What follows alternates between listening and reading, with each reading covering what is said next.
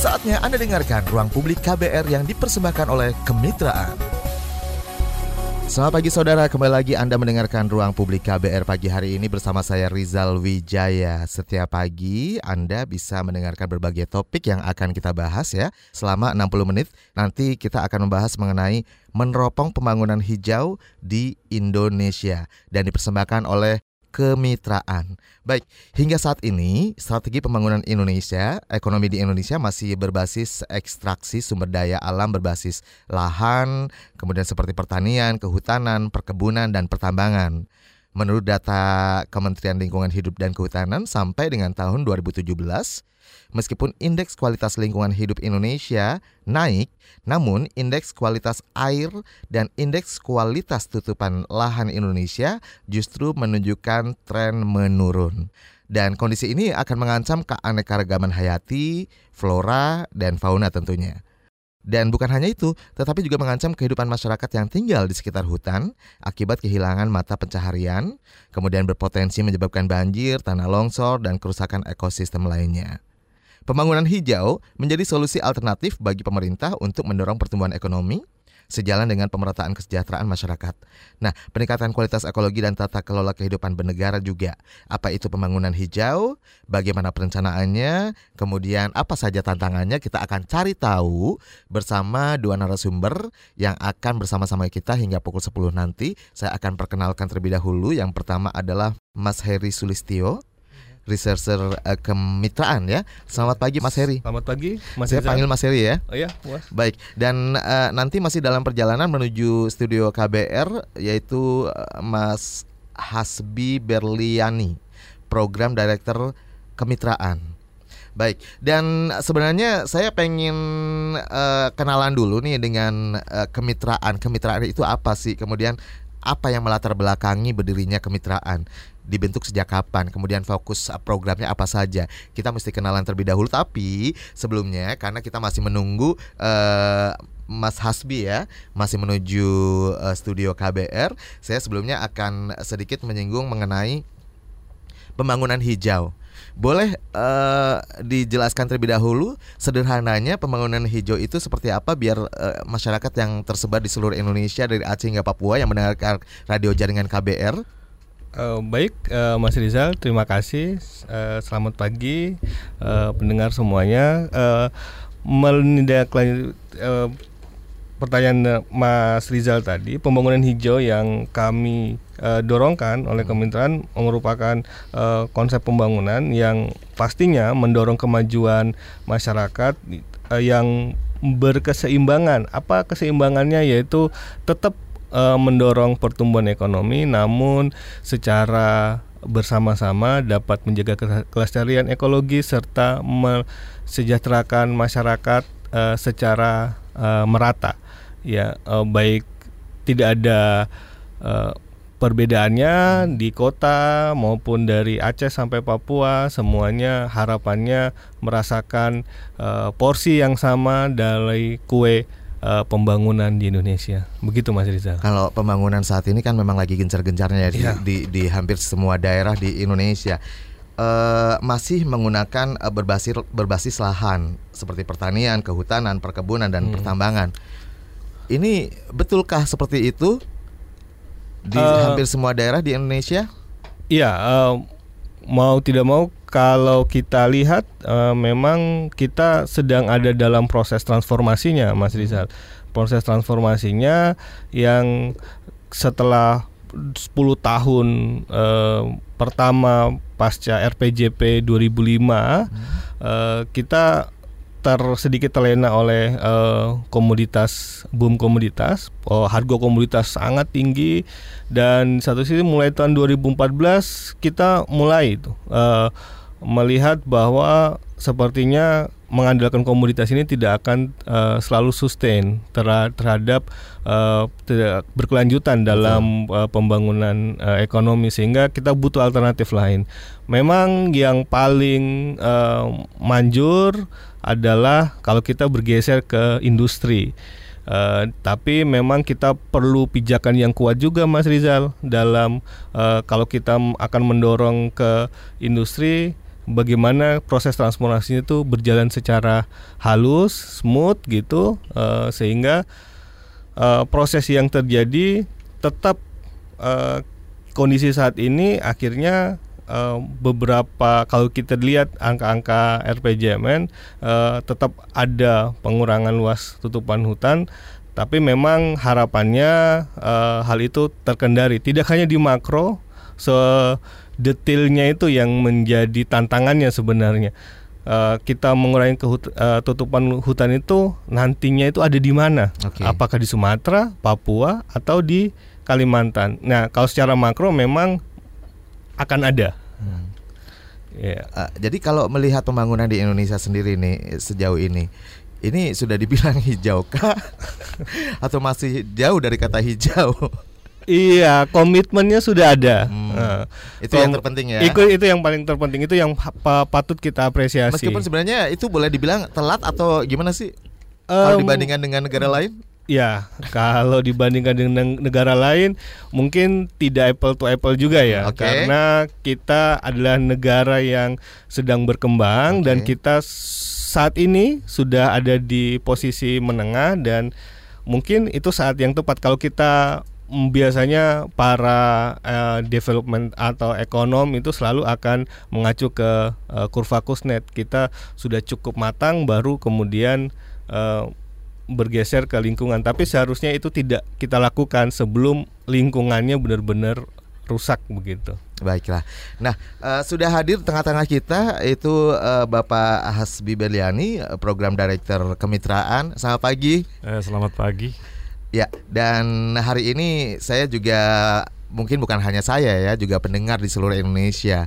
Ini sedikit tadi sudah membahas mengenai apa sih yang disebut dengan uh, pembangunan hijau, Pak Hasbi. Ya. Uh, ini kan tentunya kemitraan sendiri sangat concern dengan soal ini, lingkungan umumnya. Ya. Nah, tapi sebelum sebelum ke situ, saya pengen kenalan dulu nih kemitraan. Kemitraan itu boleh disebut sebagai Ya, kemitraan ini adalah satu uh, lembaga nirlaba uh, nasional yang memang uh, dibentuk uh, untuk menjembatani uh, kerjasama kolaborasi uh, berbagai pihak, pemerintah, uh, masa, organisasi masyarakat sipil maupun uh, private sector dalam uh, meningkatkan dan memperbaiki tata pemerintahan yang baik ya untuk mendorong pen, uh, pencapaian kesejahteraan. Dibentuk sejak kapan sih Pak?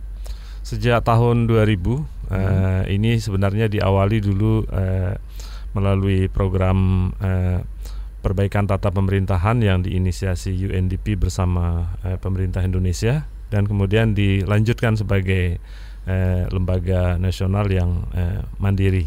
Fokus programnya? Fokus program kita uh, ada uh, banyak terkait awal-awal uh, terkait hmm. dengan uh, demokratisasi, eh, anti korupsi, eh, desentralisasi, perbaikan pelayanan publik. Tapi sejak tahun 2007 kita lebih eh, banyak juga bekerja di bidang eh, tata pemerintahan lingkungan okay. untuk mendorong perbaikan eh, pengelolaan eh, hutan, sumber daya alam untuk kesejahteraan masyarakat. Nah, yang terakhir nih, mengapa uh, concern dengan isu lingkungan? Apakah memang sudah uh, sangat mengkhawatirkan keadaannya di Indonesia atau seperti apa sih? Ya, saya kira uh, kita sudah uh, menyadari bahwa uh, lingkungan kita memang sudah banyak sekali mengalami degradasi ya. Kalau kita lihat salah satu contoh hutan saja. Hmm. Hutan kita dari 120 juta hektar sebenarnya saat ini 80 juta hektar itu sudah mengalami degradasi ya ya ini eh, bukan bukan persoalan yang eh, muncul tiba-tiba tetapi memang ini adalah eh, akibat dari kebijakan eh, pemerintahan masa lalu yang kemudian menempatkan misalnya sumber daya hutan sebagai eh, sumber eh, perekonomian dan kemudian melakukan eh, kegiatan-kegiatan eh, eksploitasi terhadap sumber daya hutan kita. Dan saat ini 80 juta dalam kondisi rusak dan ini membutuhkan ya membutuhkan tentu upaya-upaya serius untuk untuk memperbaiki dan uh, uh, apa namanya memulihkannya. Gambut juga menjadi salah satu hal yang sangat penting ya pada saat ini, di mana uh, kita mengalami kebakaran hutan dan lahan yang berlangsung secara terus-menerus dengan dampak yang sangat luar biasa dari sisi ekonomi, kesehatan dan sosial. Dan itu termasuk salah satunya diakibatkan oleh salah kelola eh, lahan gambut yang sebagian besar lahan gambut kita diberikan untuk konsesi eh, hutan tanaman industri dan perkebunan sawit yang yang implikasinya kan harus dikeringkan dan pengeringan itu menimbulkan eh, dampak yang sangat luar biasa begitu terkena eh, bencana karhutla itu sangat sulit untuk dikendalikan. Baik, tentunya ini uh, butuh komitmen yang luar biasa ya dari pemerintah sendiri untuk mewujudkan uh, pembangunan yang ber apa namanya pembangunan hijau, hmm. apa yang disebut pembangunan hijau tadi. Baik, nah ini seperti apa melihat kalau melihat pembangunan yang terjadi yang dilakukan saat ini yang terus digenjot oleh pemerintahan Jokowi dari periode sebelumnya dan periode kedua ini, Pak Asbi. Uh, iya, kalau kami lihat sih uh, komitmen ya komitmen uh, di dalam uh, regulasi, uh, komitmen di dalam program-program pemerintahan, uh, aspek lingkungan menjadi satu hal yang uh, uh, diutamakan Hal ini juga berkaitan dengan komitmen kita eh, pada eh, masyarakat global. Eh, kita sudah meratifikasi eh, Paris Agreement, kemudian eh, sudah menetapkan di dalam eh, dokumen NDC (Nationally eh, Determined Contribution) kita untuk penurunan emisi gas rumah kaca sebesar 29 persen dari bisnis as usual sampai dengan 2030 ini adalah satu target yang cukup uh, ambisius dan membutuhkan upaya-upaya serius. Kita mungkin lebih concernnya adalah pada aspek implementasi. Okay. Uh, pada tataran implementasi di mana kita melihat bahwa pengelolaan sumber daya alam dan lingkungan itu masih eh, cukup eh, kental diwarnai oleh praktek-praktek yang oportunistik dan juga eh, masih diwarnai dengan praktik-praktik suap dan korupsi. Nah, kita akan gali lebih dalam lagi ya mengenai ini eh, bentuk permasalahan-permasalahan yang terjadi juga sehingga eh, bisa menghambat eh, lajunya pembangunan hijau ini. Nah, eh, nanti kita akan teruskan dan jangan ke mana-mana kita akan jeda terlebih dahulu setelah jeda iklan kita akan kembali di ruang publik KBR. Masih Anda dengarkan Ruang Publik KBR yang dipersembahkan oleh Kemitraan. Ya kembali lagi Anda masih bersama saya Rizal Wijaya di ruang publik KBR dan kita masih membahas uh, meneropong pembangunan hijau di Indonesia bersama ya uh, kemitraan ya. Dan tentunya kita juga masih bersama dua narasumber sekaligus yaitu Bapak Hasbi Berliani kemudian Mas Heri Sulistio yang sudah hadir di tengah-tengah kita. Dan juga saya sudah uh, punya nih untuk akun Instagram dan juga akun Twitter dari kemitraan. Anda bisa mention juga ke sana di kementra, uh, kemitraan underscore IND. Kemitraan underscore IND untuk IG dan Twitternya. Kemudian untuk Facebook kemitraan ID. ID-nya besar ya huruf besar. Baik, dan sekarang langsung saja uh, berikutnya ke Bapak uh, Sulistio dulu. Bapak ya. Sulistio. Oke, okay. Mas Sulistio, ini tim tim dari kemitraan telah melakukan analisa kajian pembangunan hijau. Yep. Bisa dijelaskan mengenai penelitian ini? Kemudian yep. tujuan awalnya apa sih sebenarnya? Oh, yep. Penelitian ini uh, merupakan uh, inisiatif dari kemitraan di mana uh, penelitiannya bertujuan untuk mengkaji dinamika uh, kebijakan pembangunan di Indonesia uh, baik di tingkat nasional maupun di tingkat uh, provinsi okay. dan uh, kami tadi sudah menjelaskan bagaimana ke kami mencoba mendorong konsep pembangunan hijau. Nah, hmm. dari situlah seperti disampaikan Pak Asbi tadi bahwa kita melihat apakah pembangunan hijau ini kon secara konseptual itu itu implementasinya seperti apa di lapangan, baik di tingkat nasional maupun di tingkat daerah. daerah. Misalnya, ya, itu yang uh, jadi tujuan utama penelitian ini dan secara umum kami menemukan uh, terdapat beberapa temuan sebenarnya. Yang yang pertama uh, kami tentu mengapresiasi sudah ada paling tidak beberapa provinsi hmm. yang memiliki komitmen terhadap pembangunan hijau. Salah satu penelitian dilakukan di setiap daerah di Indonesia atau Oh, kami mengambil studi kasus di dua provinsi, mm -hmm. uh, Mas Rizal. Jadi kami mengambil di uh, provinsi Jambi dan provinsi Kalimantan Timur. Uh, kemudian di tingkat nasional, uh, ya kami melihat bagaimana ke kebijakan nasional, utamanya kebijakan uh, perencanaan pembangunan di nasional, baik RPJMN maupun yang sifatnya sektoral maupun yang sifatnya spasial seperti hmm. RT RW itu yang kami lihat sebagai bagian dari uh, fokus kajian ini gitu. Ya. Kenapa memilih tadi disebutkan Jambi dan Kalimantan Timur? Dua provinsi itu merupakan dua provinsi yang relatif uh, cukup maju dalam komitmen uh, kelestarian terhadap lingkungan, sehingga dari situ uh, kita ingin melihat uh, apakah ada dinamika yang berbeda, khususnya Kaltim misalnya.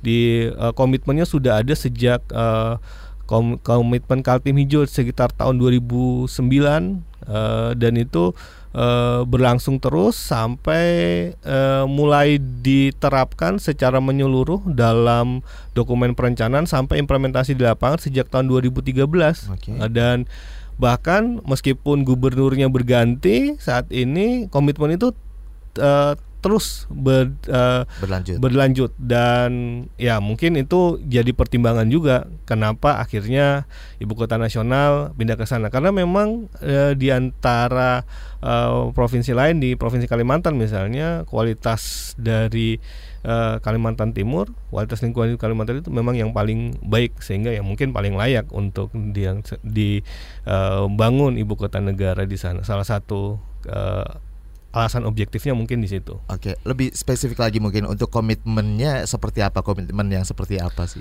Jadi sehingga uh, belum juga uh, diikuti oleh beberapa daerah lain juga kan? Iya, memang uh, komitmen seperti tadi disampaikan Pak Harwi, komitmen tidak hanya dari uh, aspek uh, dokumen legal maupun hal-hal yang tertera di dalam kertas tapi bagaimana upaya itu diterjemahkan hmm. di dalam implementasi uh, di lapangan oleh setiap aktor uh, pembangunan di uh, provinsi itu misalnya uh, di sana ada uh, organisasi pemerintah daerah hmm. OPD yang kemudian secara konsisten menerjemahkan komitmen uh, pembangunan hijau tersebut di dalam program-programnya dan itu akhirnya berdampak terhadap uh, bagaimana cara pandang dan bagaimana uh, skema uh, uh, perekonomian maupun pembangunan berjalan di provinsi tersebut. Jadi belum belum hanya tidak hanya sebatas pada aspek uh, perencanaan yang sifatnya formal, tapi bagaimana hal-hal uh, yang uh, normatif tersebut diterjemahkan di lapangan. Jadi itu itu kuncinya Mas Rizal. Baik, dua potret dari uh, tingkat daerah ya, ya. dari uh, Kalimantan Timur, dan, dan Jambi. Jambi kenapa akhirnya memilih pemerintah ya. pusat besok ada di sana Kalimantan ya. Timur ya. Nah, kalau melihat dari uh, pemerintah pusat sendiri kalau dari pemerintah pusat sendiri, kalau kita lihat misalnya kita bercermin dari uh, uh, tahun RPJMN ini 2020-2024 ini uh, merupakan uh, bagian akhir dari babak akhir hmm. dari 20 tahun pembangunan Indonesia yang ada di RPJP 2005 sampai 2025. Hmm. Nah, uh, sejak tahun 2014 uh, komitmen terhadap lingkungan sudah mulai tinggi. Di situ uh, dilihat dari arah pembangunannya maupun agenda pembangunannya. Ah, apalagi nih di tahun 2020 sampai 2024. Hmm itu ada komitmen yang sangat eksplisit di sana di mana ada uh, statement yang positif dan membangun uh, lingkungan hidup uh, dan uh, perubahan iklim dan teradaptif terhadap bencana kalau tidak salah ada di uh, no, tujuan nomor 6 dari pembangunan agenda pembangunan tahun 2020-2024 dan itu juga sejalan dengan misi keempat hmm. dari Presiden uh, Pak Jokowi di periode 2020-2024 ada tentang bagaimana komitmen beliau um, terhadap lingkungan hidup menjadi hmm. salah satu misi penting di dalam uh, periode kedua ini. Jadi Baik. saya rasa itu uh, di tingkat nasional komitmen itu uh, sudah ada, tapi memang yang paling uh, Mas Rizal yang paling jelas itu pada periode saat ini. Baik. Kita lihat nanti bagaimana iya. implementasinya di lapangan. Nah, ini Pak Hasbi nih uh, bisa ya. mungkin menambahkan ya. Ini kan udah 2020, tinggal empat tahun lagi ya Pak ya, bukan waktu yang panjang. Ini seperti apa sih? Mungkin ada dorongan yang lebih keras lagi dari uh, kemitraan sendiri? Seperti apa? Uh, ya, uh, sebenarnya uh, menuju ke 2030 untuk target uh, komitmen kita ini itu uh, bukan waktu yang uh, uh, apa namanya panjang sebenarnya. Ini sudah dekat memang. Kalau dari kemitraan 2030 ya Pak ya? Uh, bukan. Yang tadi kalau kita lihat dari uh, target uh, pemerintah oh, okay. uh, terhadap penurunan uh, emisi gas rumah kaca, komitmen kita kepada masyarakat global itu kan 2030. Baik baik. Uh, nah ini yang harus diterjemahkan bagaimana mencapainya. Hmm. Menurut kami memang itu harus dievaluasi secara uh, terus menerus. Uh, sampai dengan 2024 nanti seperti apa kemudian menuju ke 2000 eh, 2029 atau 2030 itu seperti apa. Jadi kalau tidak di eh, tidak dicapai kan menjadi persoalan bagi kita okay. juga. Nah, eh, kalau kita melihat sebenarnya eh, hal yang penting ya eh, mestinya dilakukan adalah juga tadi tahap tataran implementasi.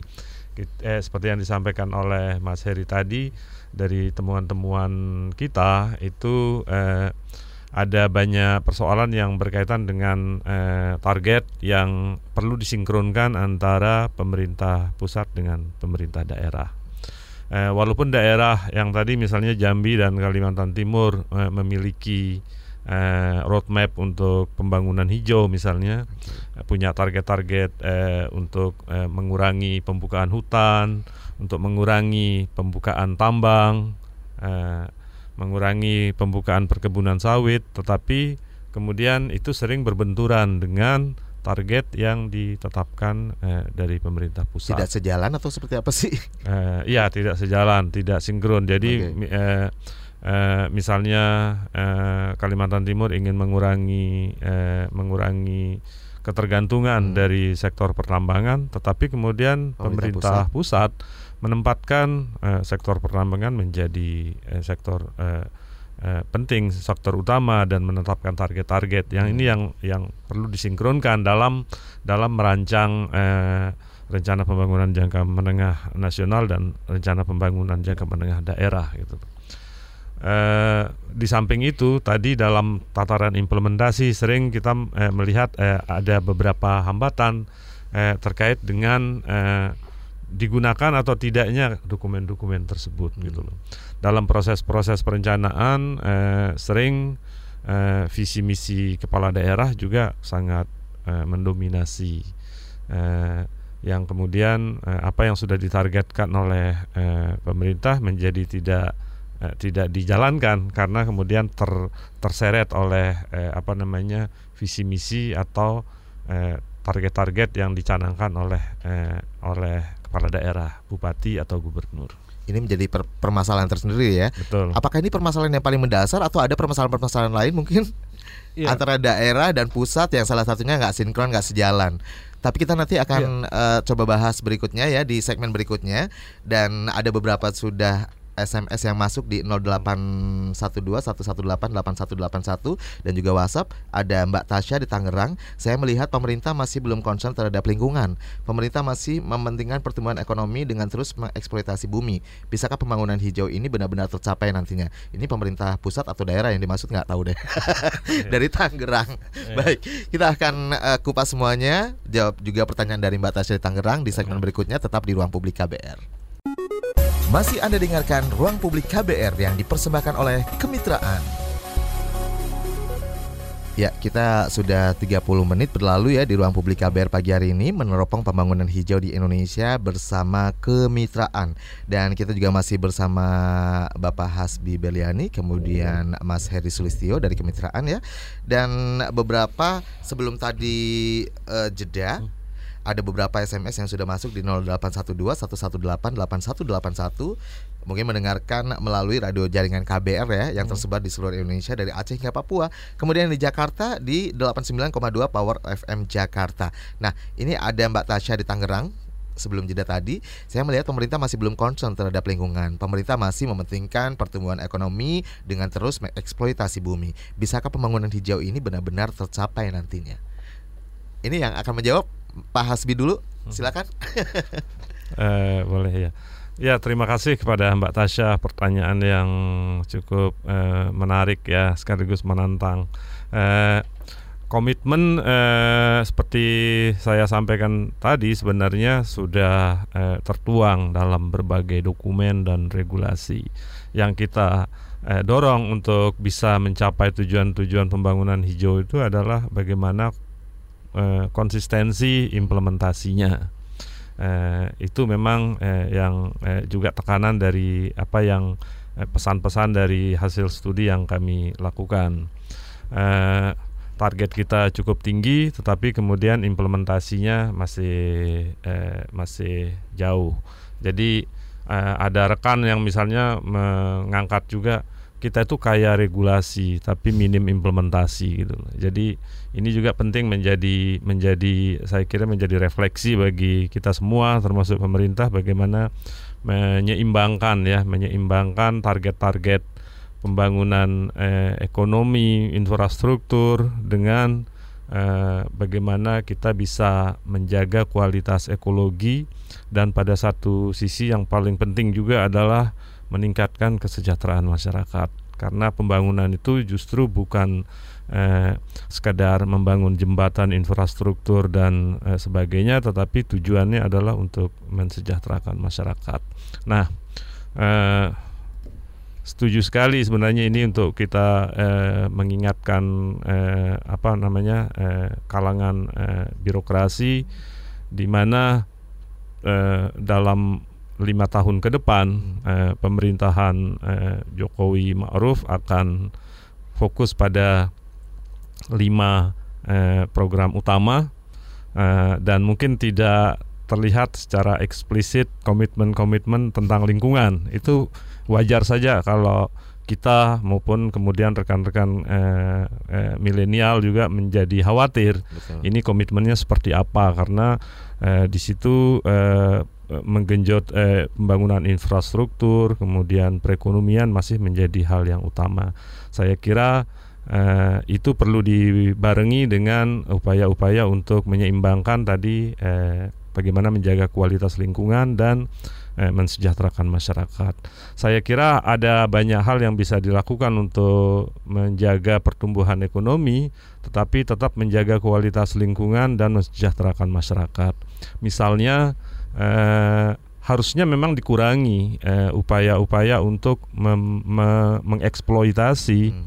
sumber daya alam kita, hutan, eh, kemudian tambang dan sebagainya melalui eh, skema-skema eh, eks, eh, eksploitasi skala besar. Karena itu eh, memang eh, benefitnya, impactnya kepada kesejahteraan maupun eh, dampaknya terhadap lingkungan itu eh, tidak signifikan. Dampaknya terhadap lingkungan tinggi, tetapi untuk masyarakat menjadi kecil. Nah, eh, upaya-upaya pemerintahan Jokowi di fase pertama eh, 2014-2019, eh, misalnya untuk mengurangi ketimpangan sosial hmm. melalui program-program reforma agraria dan perhutanan sosial, itu harusnya tetap dilanjutkan. Eh, uh, tar, eh, apa namanya pencapaian uh, yang dilakukan uh, sampai dengan akhir 2019 ini untuk reforma agraria memang masih sangat kecil. Begitu juga dengan perhutanan sosial dan saya kira ini dua program penting yang bisa uh, mendongkrak tetap pertumbuhan ekonomi, berkontribusi untuk pertumbuhan ekonomi, tetapi justru akan bisa mengurangi ketimpangan sosial. Baik karena akan memberikan akses eh, hak kepada masyarakat terhadap eh, lahan dan dari sana mereka bisa mengelola secara berkelanjutan dan meningkatkan kesejahteraan. Baik, Mas Heri mungkin mau ya. menambahkan tapi tahan dulu ya. karena ada penelpon dari Bogor, Ibu ya. Susi. Selamat ya. pagi Bu Susi. Selamat pagi. Ya Bu Susi, ada yang mau ditanyakan Bu Susi silakan. Iya, um, pembangunan hijau ini kira-kira ada juga nggak ya hubungannya dengan uh, apa namanya energi hijau gitu, energi terbarukan. Lalu uh, kan kita sebentar lagi mau pindah ibu kota baru tuh. Hmm. Nah, apakah pembangunan hijau ini sudah ada belum pembicaraannya juga akan diterapkan di calon ibu kota baru nanti biar semuanya hijau gitu Wih, enak melihatnya adem gitu, gitu ya bu ya uh -uh. makasih bu makasih. Susi tadi sebenarnya Mas uh, Heri juga sudah sedikit uh, apa namanya uh, apa menyinggung ya yeah. kenapa memilih Kalimantan Timur salah satunya mungkin karena ada komitmen di sana yeah, ya kan. Yeah.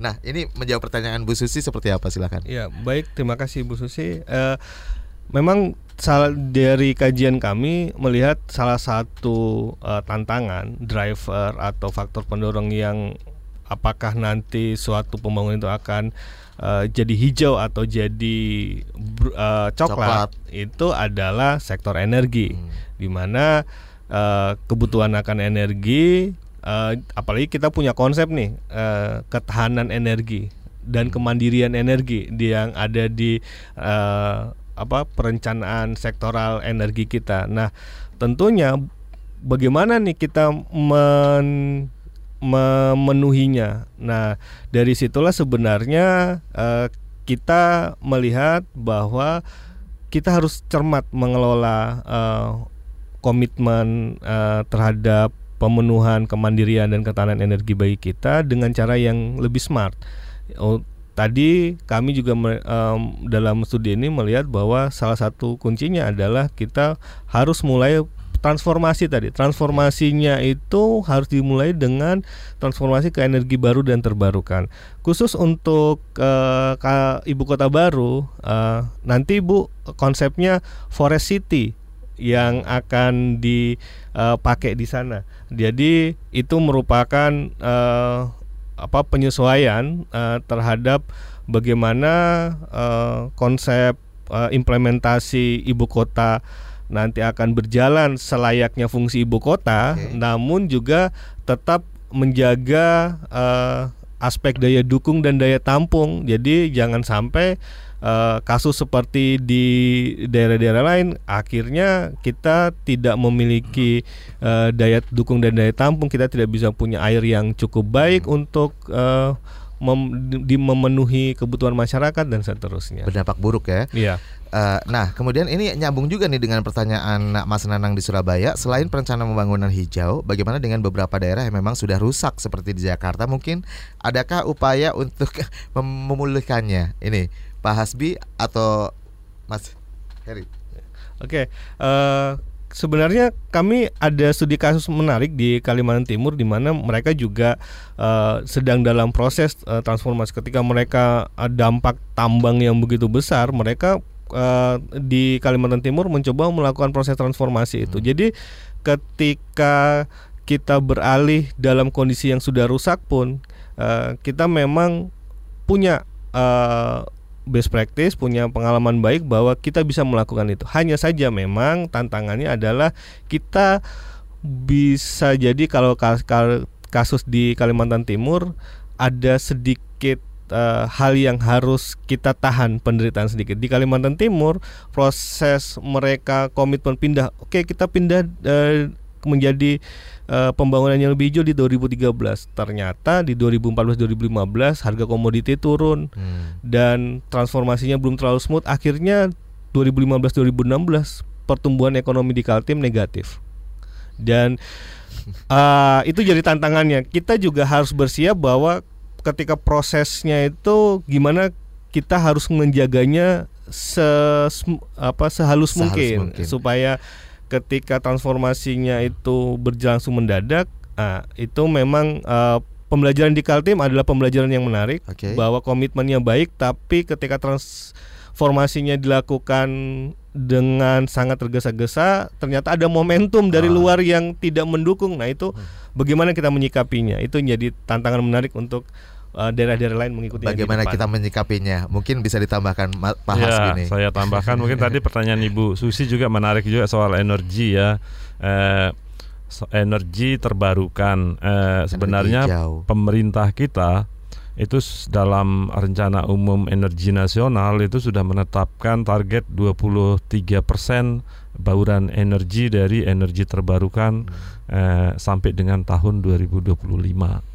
Nah, ini adalah satu target yang cukup tinggi karena kita sekarang ini ada di sekitaran 7 sampai 8 persen. Oke. Eh, 2025 itu tinggal lima tahun lagi dan eh, saya sih cukup pesimis untuk bisa eh, pemerintah bisa mengejar bauran energi 23% itu kecuali jika ada eh, upaya-upaya terobosan eh, yang signifikan Apa eh, dari pemerintah untuk membangun untuk eh, memperkuat dan membangun infrastruktur bagaimana energi terbarukan bisa di eh, dijalankan. Eh, karena eh, selama ini kalau kita lihat dari program-program memang eh, program pengembangan energi terbarukan masih sangat minim eh, diberikan eh, perhatian dan anggaran. Eh, kita masih sangat bergantung eh, dan masih memelihara eh, penyediaan energi yang emisi tinggi yaitu batu bara. Oke. Ah, ya ini memang soal mungkin soal politik ekonomi juga ya banyak kepentingan dan sebagainya sehingga hal ini menjadi persoalan. Tapi menurut saya pemerintah ke depan harusnya eh, mendorong lebih kuat, memberikan keberpihakan yang lebih kuat pada pengembangan energi terbarukan. Eh, berkaitan tadi dengan eh, wilayah-wilayah yang mengalami degradasi, Hmm. kalau menurut saya memang harusnya memang ada upaya-upaya pemulihan. Banyak bekas-bekas tambang kecil itu di wilayah Kalimantan itu yang ditinggalkan begitu saja dan tidak ada upaya-upaya eh, pemulihan terhadap lubang-lubang lubang-lubang yang sekarang menjadi apa namanya eh, menjadi eh, lubang-lubang berair yang beracun yang kemudian tidak ada penyelesaiannya. Saya kira pemerintah perlu eh, mengantisipasi, mengantisipasi jangan sampai hal ini terjadi ke depan dan Itu baru sekarang di Kalimantan di Timur. ya? Kalimantan Timur eh, eh, banyak juga di wilayah-wilayah lain yang eh, bekas eh, tambang itu tidak dilakukan misalnya di eh, apa namanya eh, Babel. Babel. Itu di Babel juga kita pernah melakukan sebuah eh, kajian singkat di sana. Eh, memang kondisi ekologinya begitu parah dengan eh, pertambangan di sana. Padahal Babel eh, sangat bagus sekali ya dengan apa seandainya dimaksimalkan untuk pariwisatanya ya kan. Ya. Baik, tapi sebelumnya kita akan jeda terlebih dahulu. Anda jangan ke mana-mana, tetap bersama kita di ruang publik KBR. Masih ada beberapa pertanyaan juga yang belum dijawab ya bersama dua narasumber kami pagi hari ini dari kemitraan yaitu Bapak Hasbi dan juga Mas Heri Sulistyo. Tetap di ruang publik KBR. Masih Anda dengarkan Ruang Publik KBR yang dipersembahkan oleh Kemitraan. Inilah bagian akhir ruang publik KBR meneropong pembangunan hijau di Indonesia bersama kemitraan dan masih bersama saya Rizal Wijaya, juga Bapak Hasbi Berliani, Program Director Kemitraan, kemudian Mas Heri Sulistyo, Researcher Kemitraan ya. Baik, dan eh, ada juga beberapa pertanyaan yang sudah masuk melalui SMS di 0812 118 8181, kemudian melalui akun Twitter kami di @halokbr kami juga masih menunggu ya, atau bisa mention sekaligus ke eh, Instagram dan juga Twitter kemitraan yaitu di kemitraan underscore IND. Kemudian untuk Facebook kemitraan ID. Baik. Dan eh, ada beberapa pertanyaan. Ini dari Mas Anton di Yogyakarta. Indonesia itu adalah negara yang amat kaya. Nggak hanya sumber daya alam tapi juga budaya. Untuk pembangunan ekonomi seharusnya Indonesia bisa lebih dimaksimalkan di sektor pariwisata daripada terus menggerus dan merusak bumi ini. Untuk memaksimalkan di sektor pariwisata, pemerintah bisa juga sekaligus menjaga alam di Indonesia, misalnya penanaman terumbu karang, hutan dan lain sebagainya. Bagus juga usulannya. Ini dari Mas Anton di Yogyakarta. Silakan. Siapa dulu yang mau menjawab? Bapak Terima Hasbi. kasih ya. Saya kira eh, uh, usulan uh, Mas Anton tadi sangat uh, pas sebenarnya dengan uh, apa namanya uh, dengan kerangka pembangunan uh, berkelanjutan sebenarnya. Jadi uh, sektor uh, pariwisata uh, itu menjadi salah satu juga sebenarnya dari uh, prioritas uh, pemerintah uh, Jokowi. Uh, da, eh, tetapi mungkin eh, hal yang penting untuk kita dorong adalah eh, bagaimana eh, pariwisata ini kemudian tidak diarahkan menjadi eh, eh, pariwisata yang eh, dikelola hanya oleh eh, usaha-usaha skala besar, hmm. tetapi juga eh, memperkuat, mendorong eh, upaya-upaya ekoturisme eh, yang berbasis eh, masyarakat yang kemudian dapat dikelola dan eh, memberi manfaat kepada masyarakat masyarakat eh, setempat. Saya kira ini sudah ada banyak rintisan eh, upaya-upaya pembangunan eh, ekoturisme yang eh, dilakukan di kawasan-kawasan eh, tertentu seperti Taman Nasional. -hmm. Saya kira ini perlu mendapatkan perhatian uh, untuk diperkuat dan diperluas uh, agar uh, uh, pemanfaatan uh, wisata alam, kemudian daerah-daerah yang berpotensi untuk wisata dapat dilakukan secara maksimal dan memberi manfaat kepada masyarakat. Saya kira ini adalah salah satu bentuk juga yang sangat berkontribusi dalam konteks pembangunan hijau. Baik, jadi seperti Mas Anton di Yogyakarta, mungkin yang lainnya ya harus mempunyai ide-ide yang seperti Mas Anton. Harapannya seperti itu ya supaya nanti sejalan ya kan. Nah, betul. Baik, ini ada yang mau ditambahkan Mas Heri? Menjawab pertanyaan Mas Anton atau eh, kita baca lagi satu ya dari Tri Jakarta pembangunan hijau itu sebaiknya dimulai saat pembangunan suatu kawasan atau masih bisa dilakukan pada kawasan yang sudah tumbuh seperti di perkotaan di Indonesia. Ya, uh, sekaligus jawab sekaligus tambahkan ya. Ya kalau dilihat seharusnya uh, hak untuk mendapatkan kualitas lingkungan hidup yang layak itu jadi hak semua uh, orang baik tidak hanya di daerah perkotaan maupun di daerah yang akan berkembang. Hanya saja memang ketika uh, kita akan melakukan proses transisi dari yang karena kita sudah terbiasa dengan pembangunan coklat uh, tadi, hmm. uh, memang harus ada proses penyesuaian yang sedikit banyak mungkin uh, tadi kasus di Kaltim tadi mungkin akan sedikit membuat uh, bukan kalau dikatakan penderitaan juga tidak cukup tapi uh, tidak tepat juga tapi uh, kita harus punya mental untuk menyesuaikan bahwa oke okay, kita tidak hanya fokus ke uh, pertumbuhan pendapatan, pertumbuhan ekonomi, tapi kita mulai sekarang uh, beralih ke hal yang lebih membahagiakan misalnya ke seperti kasus Butan itu bisa diambil contoh untuk menjawab juga uh, pertanyaan Mas Anton tadi uh, ketika pariwisata di Indonesia selalu yang ditanyakan uh, multiplier efeknya hmm. tidak terlalu besar karena berbeda dengan uh, kalau wisatawan Indonesia yang pergi karena wisatawan Indonesia belanjanya banyak. Kalau wisatawan asing datang ke Indonesia paling akomodasi oh, sama makanannya saja tidak pernah beli oleh-oleh Indonesia yang banyak sehingga perekonomiannya tidak terlalu mengangkat. Nah, ini uh, perspektif itu yang mungkin bisa mulai kita switch gitu. Jadi kita geser sedikit bahwa uh, kita mengubah pembangunan ke arah yang lebih hijau hmm. dengan ada trade apa uh, trade offnya itu untuk ke jangka yang lebih panjang, ke bagian kita yang lebih panjang. Baik. Dan uh, sebenarnya uh, untuk soal ini juga butuh edukasi ke masyarakat juga, uh, awareness peningkat meningkatkan kesadaran kepada hmm. masyarakat salah satunya seperti Mas Anton ini. Dari kemitraan sendiri ada nggak sih program-program uh, untuk edukasi sosialisasi soal pembangunan hijau ini? Ya, uh, kalau di kemitraan kita tidak hanya bekerja di tingkat uh, nasional, tapi juga uh, menjalin kerjasama dengan uh, pemerintah-pemerintah di provinsi dan kabupaten, bahkan uh, di tingkat desa. Baik. saat ini eh, kita yang sedang berjalan itu sedang eh, juga mendampingi sekitar eh, 300-an desa. Hmm. Jadi dari sana eh, dari pemerintahan desa dan eh, relasi kita, komunikasi kita dengan masyarakat secara langsung di 300-an desa ini eh, kita memberikan juga eh, berbagai eh, uh, upaya-upaya untuk meningkatkan kesadaran, meningkatkan pengetahuan dan keterampilan. Uh, bukan hanya soal uh, uh, melindungi dan memulihkan lingkungan, uh, tetapi juga uh, bagaimana memanfaatkannya untuk keberlanjutan, termasuk Baik. untuk alternatif-alternatif ekonomi. Ya, sayang sekali waktunya uh, sudah habis ini untuk uh, obrolan kita pagi hari ini di ruang publik, Mas.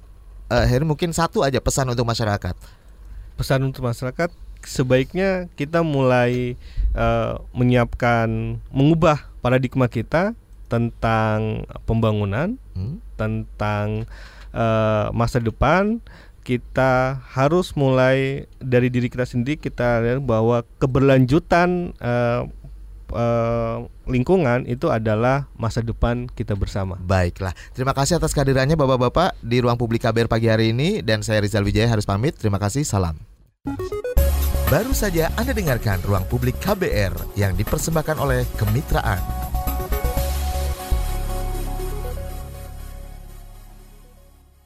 KBR Prime, cara asik mendengar berita. KBR Prime, podcast for curious mind.